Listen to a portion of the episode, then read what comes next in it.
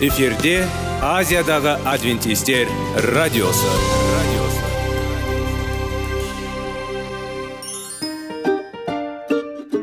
Сәлем достар. Денсаулық өмір бұлағы және біздің бірінші байлығымыз демекші денсаулық сағаты рубрикасына қош келдіңіздер.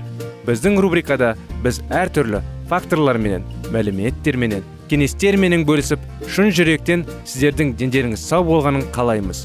Сол үшін біздің рубрикаға қош келдіңіздер. Дайындалып тұрыңыздар. Өйткені келесі минуттарда қызықты фактілерге ие боласыздар. Енді достар ең бірінші байлығымызды қолымызға алып алға кеттік.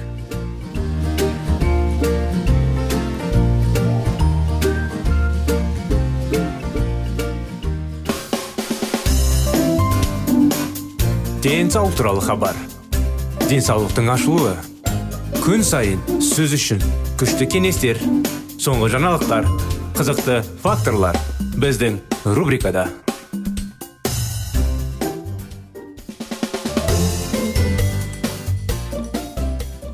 денсаулық сағат бағдарламасына қош келдіңіздер құрметті достар құрметті біздің тыңдаушыларымыз. Сіздерменен біргестер назарларыңызға қытай зерттеулер тақырыбын біз ары қарай жалғастырудамыз. Қытайлық зерттеу барысында біз талшықты қабылдау мен темірдің сіңуі арасындағы байланысты мұқият зерттедік. Сөйтсек клетчатка емес те келмейді игеруге темір айтуынша. Көптеген сапашылар. Біз қытайлықтардың темір тұтыну деңгейін және оның ағзадағы деңгейін өлшедік. Өмір деңгейін темір деңгейін өлшеу алты түрлі жолмен жүргізілді.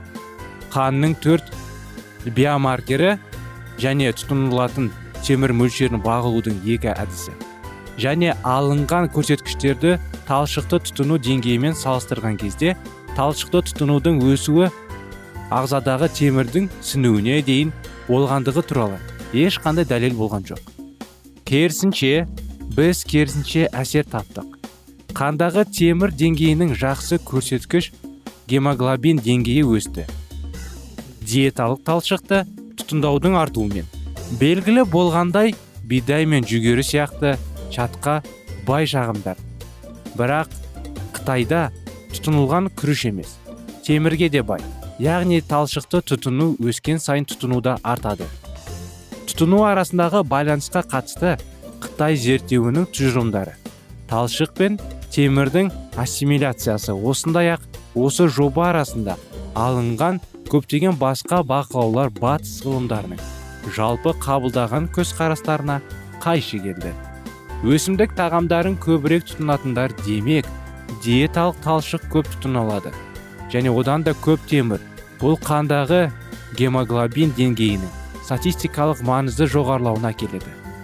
Қытайдың кейбір ауыл тұрғындарының соның ішінде әйелдер мен балалардың ағзасындағы темірдің мөлшері төмен екендігін қалдырады.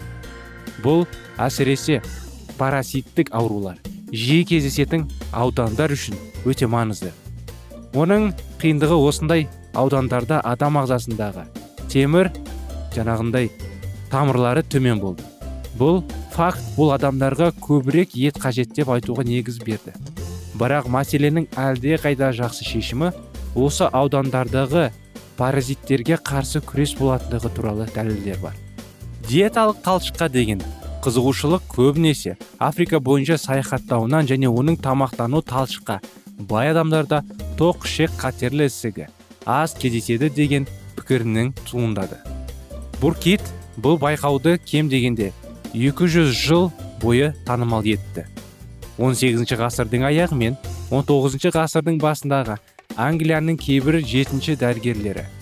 Құрамында талшығы бар азық түліктің жеткіліксіз көлемі тұтынуымен және обырдың әдетте сүт безі немесе ішек обыры пайда болу қаупінің жоғары болуымен байланысты іш қатудың арасында өзара байланыс бар екенін растады. Қытай зерттеуінің басында клетчатка ішек қатерлі ісігінің алдын ала деген сенім басым болды дегенмен 1982 жылы ұлттық ғылым академиясының тамақтану диета және қатерлі ісік жөніндегі комитеті диеталық талшықты жеуге сенімді дәлел таба алмады. Адамдарда тоқ ішек пен тік ішек қатерлі ісігінің алдын алады. Әрі қарай бұл баяндамада егер мұндай әсер күшті болса да ол клеткадан гөрі талшықтың жеке компоненттердің туындауы мүмкін жалпы. Алдындағылар бұл мәселені талқылау дұрыс болмады деп айтуға болады. Мәселенің өзі ғылыми әдебиеттерді шолу және дәлелдемелерді түсіндіру талшықтың нақты түрін белсенді зат ретінде табуға тым көп көңіл бөлді. Олар таппағандықтан талшықтың әсері туралы болжам дұрыс емес деп танылды. Бұл қате болды. Қытайлық зерттеу талшықты тұтыну мен қатерлі ісік ауруының пайда болуы арасында байланыс бар екенін дәлелдеді. Зерттеу нәтижелері тоқ және тік ішек обырының пайда болу жиілігінің төмендеуінің клетчатканы тұтынудың жоғары деңгейіне тұрақты дәлел тәуелділігіне бар екенін көрсетті. Сондай ақ талшықты тұтынудың жоғары деңгейімен арасында байланыс болды. Қандағы холестерин деңгейін төмендету әрине талшықты тұтынудың жоғары деңгейі диетадағы өсімдік өнімдерінің көп мөлшерін білдірді. Бұршақ дақылдары жапырақты көкөністер мен дәнді дақылдар торғабай. Антиоксиданттар керемет коллекция өсімдіктерінің ең айқын сипаттамаларының бірі оларға. Тән ашық түстердің кен спектрі. Егер әдемі тағам сізге эстетикалық ләззат берсе онда жеміс жидек пен көміс тағаммен салыстыруға болатын нәрсе аз. Қызыл жасыл сары аты жөні ұшатын және қызыл сары өсімдіктерден жасалған тағамдар тәбетті көрінеді. Дене денсаулыққа өте пайдалы. Көкөністердің жағымды бояу мен олардың денсаулыққа тигізетін пайдасы расындағы байланыс жиі байқалады. Көрсетіледі. Осы байланыспен түсті және пайда тұр тамаша ғылыми тарихы. Жемістер мен көкөністердің түстері антиоксиданттар деп аталатын әртүрлі химиялық заттарға байланысты. Бұл заттар тек өсімдіктерде кездеседі. Жануарлар тағамында олар тек өсімдіктермен қоректенетіндіктен және олардың тіндерінде антиоксиданттардың белгілі бір мөлшері сақталады.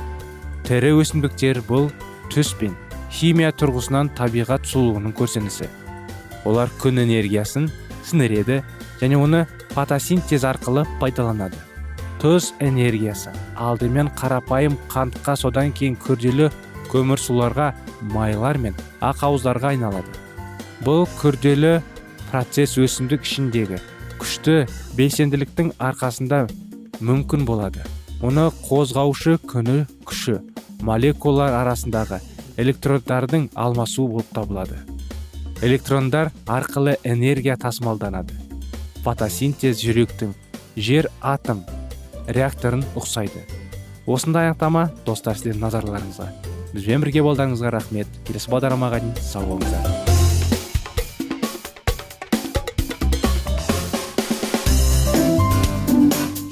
Денсаулық туралы хабар денсаулықтың ашылуы күн сайын сөз үшін күшті кеңестер соңғы жаңалықтар қызықты факторлар біздің рубрикада.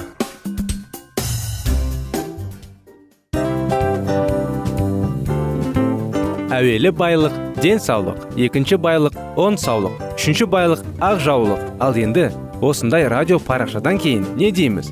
Барлықтарыңызға денсаулықтарыңыз зор болсын деп тілейміз. Денсаулықтың өзгеруі кішкентай нәрселерден басталады. Осымен біз берген кеңестер мен мәліметтер шын жүректен сіздер үшін қандай да бір болсын жәрдем берді деп үміттенеміз. Тыңдаушыларымызбен келесі радио парақшасына дейін қоштассамыз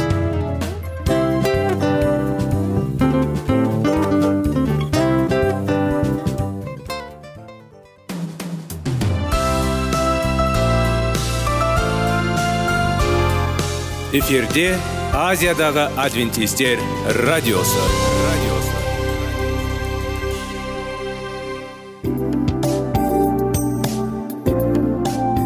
сәлем достар. Барлықтарыңызға шын жүректен сөйлесейік рубрикасына қош келдіңіздер деп айтпақшымыз. Шын жүректен сөйлесейік бағдарламасы әртүрлі қызықты тақырыптарға арналған. Шындығында шын жүректен сөйлесейік деген сөздің мағынасы екі достың екі адамның ортасындағы шын жүрекпен сөйлесуі бір біріне сенуі ашықтық пен шындықты білдіреді. Сол үшін біздің бағдарламалар әртүрлі қызықты тақырыптарға арналған. Дайындалыңыз жаңа қызықты мәліметтерге ие болуға. Ондай болса кеттік.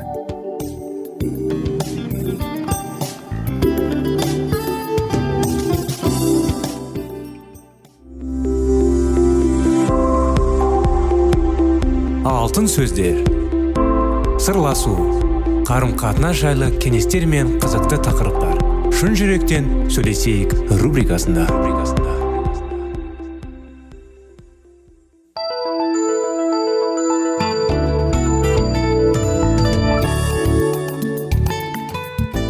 Армысыздар сәлеметсіздер ме құрметті радио тыңдаушыларымыз сіздермен бірге сіздер назарларыңызға шын жүректен сөйлесейік бағдарламасы. Сіздер назарларыңызға керемет 25 керемет неке оқиғаларын жалғастырудамыз. Үмітіміздің бастауы құдай қандай жағдайда да қуаныш пен тыныштыққа кенелетін көрсін.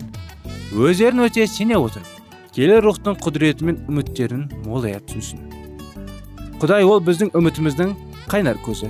Егер біз жаратушы иеден сұрайтын болсақ ол біздерді қуанышқа бірлік пен талылыққа толтырады.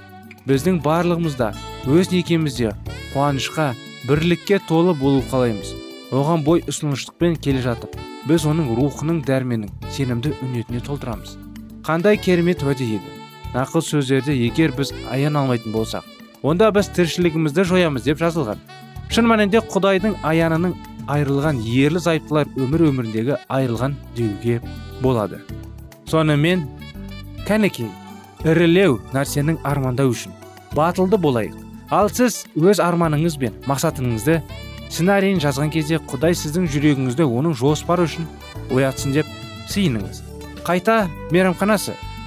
Біздің үйленген кезімізде біздің болашақ жайлы әңгіме айту үшін баратын ерекше орнымыз болатын. Бұл біздің бұрын жатқан пәтеріміздің аяқ жетер жерде орналасқан мейрамханасы еді.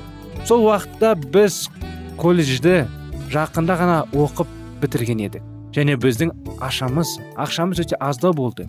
Біз мушу деп аталатын тауықтың бір кісілік тамағын екі адамға ал оған қосымша құймақ пен алхоры тұздалғанын қосымша порциясына тапсыра бергенбіз. Сол мейрамхананың іші тыныш және қарапайым жер еді. Бірақ та бір шынайы аяқ жай үстінде қытай мейрамханасының жағдайында әлі жас ерлі зайыптылар жұбына алыс елдер жөнінде армандау қорқынышты болған жоқ. Сол уақыттарда біз көп нәрсені білген жоқпыз. Бірақ біз нәрсеге сенімді болдық бір нәрсеге. Біз шын жүрекпен барлық жан тәнімізге және барлық бекендікпен екеуміз бірге құдайға қызмет еткіміз келді. Біз құштарлықпен өмір сүруді және өз отбасымыздың жақсы құруды қалайтын едік. Біздің өмір жолдағы қайда бастап апаратын жатқанын білмедік дейтін болсақ. Дұрыс айтылған болар еді. Бірақ біздің өміріменен бірге жүргіміз келетінін нақты білдік. Біздер құдайдың біз арқылы жаңа мұрны бекітілетіндей етіп өмір сүргіміз келеді. Мен тамаша отбасында тауып естім менің ата анам 65 жылдан астам уақыт бірге өмір сүрді. Мен әкем біздерді жан қиярлықпен жақсы көрді және отбасы қамтамасыз етті. Ал менің адам болсақ үй шаруаның әйелінің нақты үлгісі болды. Көп жағдайда ата анам мен үшін жақсы отбасын тудырудың және адал өмір сүрудің үлгісі болды. Мен сол үшін оларға мәңгі бақи алғысымды айтамын. Мен мүлдем басқа отбасында тауып өстім. Маған менің ата анаммен салыстырғанда джонның ата анасы өте онда адамдар тәрізді болып көрінді. Менің отбасым ішімділіктің зинақорлықтың күш жұмысының апасыздықтың сарындықтың айырылу мен ажырасудың кейбіршілі кезінде менің мықты және дені сау отбасы жөніндегі тәжірибем мен практикалық білімінің болмағына айқан болды. Бірақ мен өжеттікпен осындай отбасында бір бөлімге болудың қаладым. Біз екеуміз сол мейрамханада сөйлесіп отырған кезімізде өзіміз басқа некеге құрғыңызды келетін үсіндік біз ата ананың күйеуімнің ата анасының аса зор құрметпен сыйлайтын болсақ та олардың некесінің үлгісі бізге сай келмейтін болды. Біздің екеумізде олардың көргенінде қарағанда өзіміздің ерлі зайыптылық өмірімізден одан да көп нәрсені қалыптайтының болдық. Бұл екенің өзі үшін құдайдың ықыласы болды. Оның мәні тек өмірдің аяғына дейін. Бірге болу емес сонымен бірге біздің одағымыз арқылы мәңгілік мұраның құруды болып отыр. Әрине ол өзіне біздің балаларымызды және немерелерімізді бірақ көптеген басқа адамдардың өмірлері ықпал жасау қоса қамтиын еді біз өз отбасымыздың қиялдағы көрінісін суретте сала бастадық. Біз принциптерді анықтай отырып бір бірімізге сұрақ қойдық және әліміздің жеткенше армандай бердік. Біз бәрінен сұрап құдайға қызмет етіп барлық шешімдерімізге берге оған құрмет көрсететін деп ұйғырдық. Қалағанның барлығы да осы жүзеген өтуге тиісті болатын. Біздің ерлі зайыптылық өміріміздегі 32 жыл ішінде біз оған дауысымыздарды маусымдарды бастан кешілгенімізге сонша сол кезде бізді бірге байланыстыратын жалғыз ғана себеп осы біздің жаратушы иенің құрметтеуіміз болды. Сол уақыттарға мен әйелімін күйеуімнің деген махаббатын сенің деген көздерінің болды және күйеуі да маған деген сезімінің жоқ екенін айтты. Ол мүлде қызмет етуге кірісіп кетті. Мені үшін үйдегі кішкентай балалармен қалдырды салып көп жерлерге жоқ жүріп кететін. Егер шындықты мойындайтын болсақ болашақта жон екеумінің арманыздағы махаббат ешқандай үміттенбедім. Менің жан дүнием осы қиын меділерге жарақат алған болатын. Мен эмоциялық және күш қуатты жағаныңда өзімізді шеттелетіндей сезіндім. Егер мен үшін осындай амал бар болатын болса мен қуана отырып ажырасуға келісер едім. Менде біздің екеуміздің болашағы көретін қиял көрінесі деп тек келешекте не болуы мүмкін деген сауылдан болашақ келесенде ғана қалды тіпті қандай да бір сәтті мен уа құдай егер сен маған көкте күйеуіммен бірге өмір сүрудің сәті түспейді деп уәде беретінің болсаң мен біздің некемізді сақтаймын деп те ойладым. Мен басқа өзімді өте жалғыз қалғанда сезіндім. Ал қызметшілердің әйелдеріне басқа біреумен өзінің жан ауруы жайлы бөліскенің жайында болдым екен. Осымен бағдарламамыз аяғына келіп жетті. Сіздерді келесі бағдарлама күтіп келесі жолға сау болыңыздар дейміз.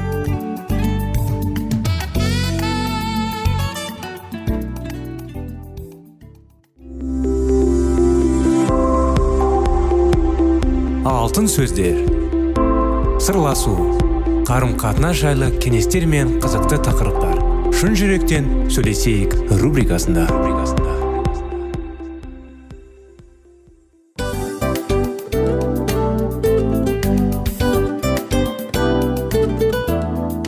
Құрметті достар барлық ең соңғы кеңестер аяқталған соң біздің программамыз соңына келіп қалды. Осы біздің мәліметтер осы рубрикада айтылған әрбір сөздер сіздерге өзінің қандай да бір пайдасын алып келді деп шын жүректен сенеміз. Және бұдан да көптеген рубрикаларымыз бар. Басқа рубрикаларымызда біздің зерттеулерімізде сіздер үшін тағы да қызықты мәліметтер дайын. Біздің шын жүректен сөйлесейік парақшамызда көптеген әдістер ең соңғы кеңестер адамның нравственность жақтан моральдық жақтан тазалап байыта тұрған соңғы кеңестердің барлығын жанарады.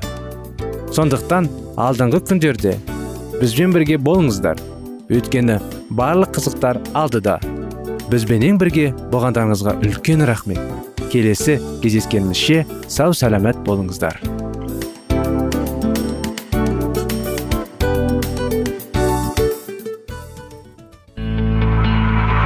Жан дүниеңді байытқан жүрегіңді жаңғыртқан өмірдің мағынасын ойландырған рухани жаңғыру рубрикасы.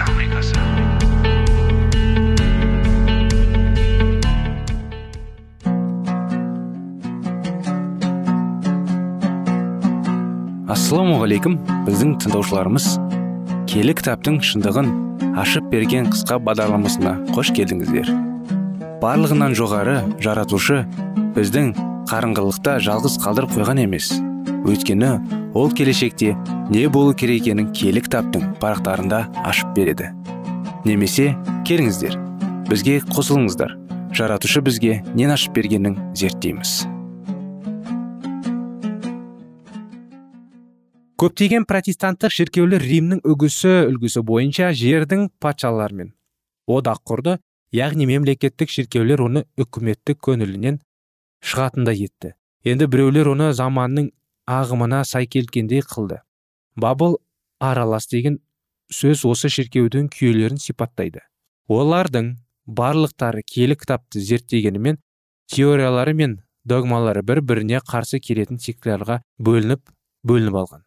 Римнен бөлініп шыққан шіркеулер оның бұзылған дүниемен құрған одағының басқа да күнәқарлық еркешілігіне бірге ала шыққан католик мәсіхшілеріне насихат деп аталатын кітапта егер рим шіркеуі киелелерді дәріптендіру үшін пұтқа табынушылар деп айтылса оның қызы ағалшын шіркеуінің мәриям қызға арналған он шіркеуі ал мәсіх исаға арналған бірақ шіркеуі бар.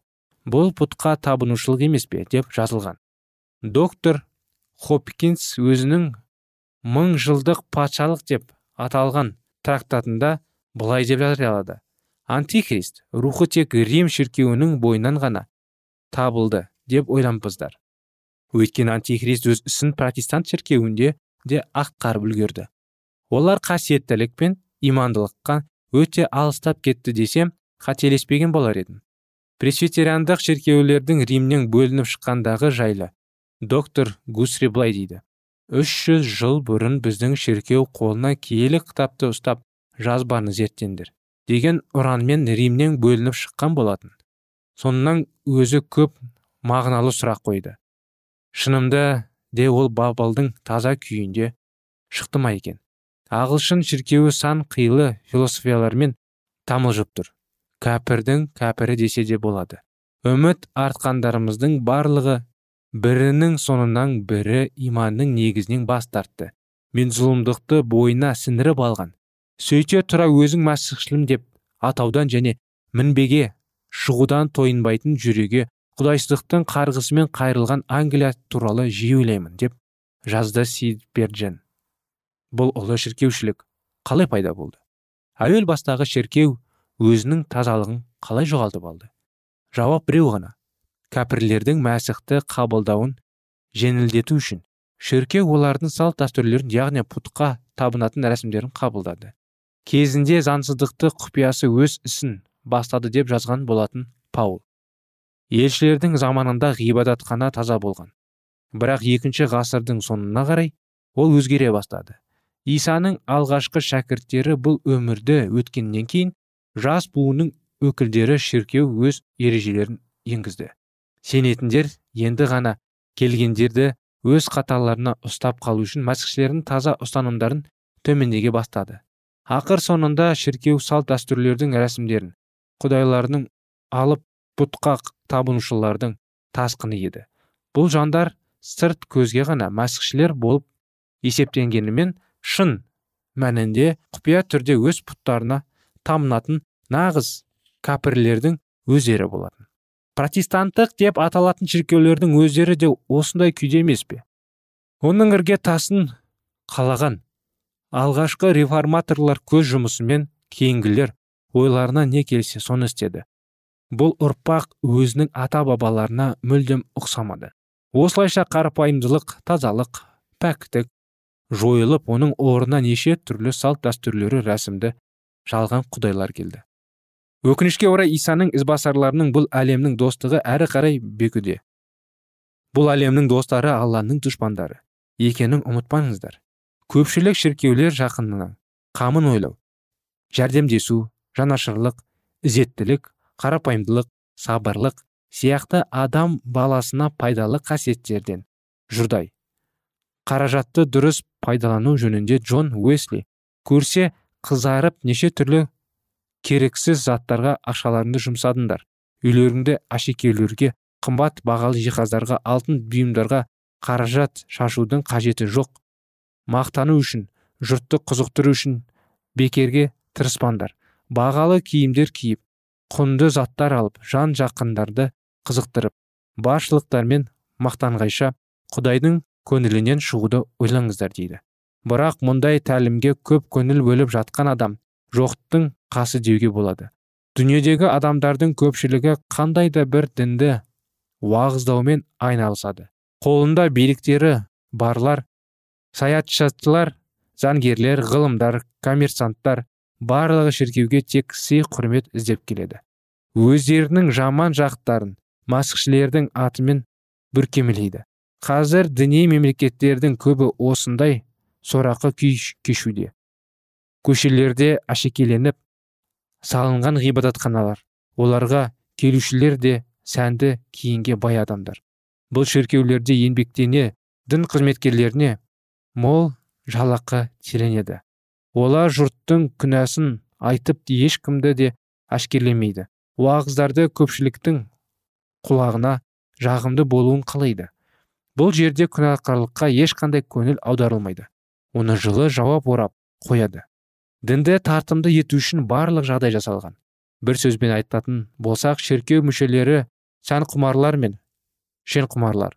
Құдайдың ойымен санасып жатқан адам болмаса баласы жоқ. Бұл жерде қайыр садақа біреу мейірімділіктің нашаны емес. Адамдар ақшаларын байлықтарын көрсету үшін береді және оны мақтанып тұтады. Неше түрлі драма жәрмеңке көрнекілік үшін берілген сот істерін қарастыру театрланған банкеттер жасау үшін ақша беруге ешкімді көндірудің қажеті жоқ. 1873 жылдың қаңтарында губернатор висконсина өзінің жыл сайын беретін жолдауында былай деді. Заң адамның құрмалығын қоздыратын ойындары жабуды талап етеді. Өйткені бұл зұлымдық кен ететін жайғақ. Тіпті шіркеу мүшелерінің өздері албастының қызметкерлеріне айналған. Мейірімділік концерттері лотереялар тағы да басқа адамдардың құмарлықтарын қоздыратын ойындар ақша табудың көзі. Осылайша еңбектеуіміз ақша табу әсіресе жастарға жаман әсер етеді. Беделді адамдар бұдан шыққан қаражат мейірімділік мақсаттарына жұмсалды деп өздерін өздері жұбатады. Дегенмен қызығушылық ойындарына бір іліккеннен соң жастарды одан тартып шығару өте қиын және мұндай жаман әдет олардың өміріне өте қауіпті. Өкінішке орай барлық масықшілер шіркеулері осыған кірісіп ыңғайлатып алған.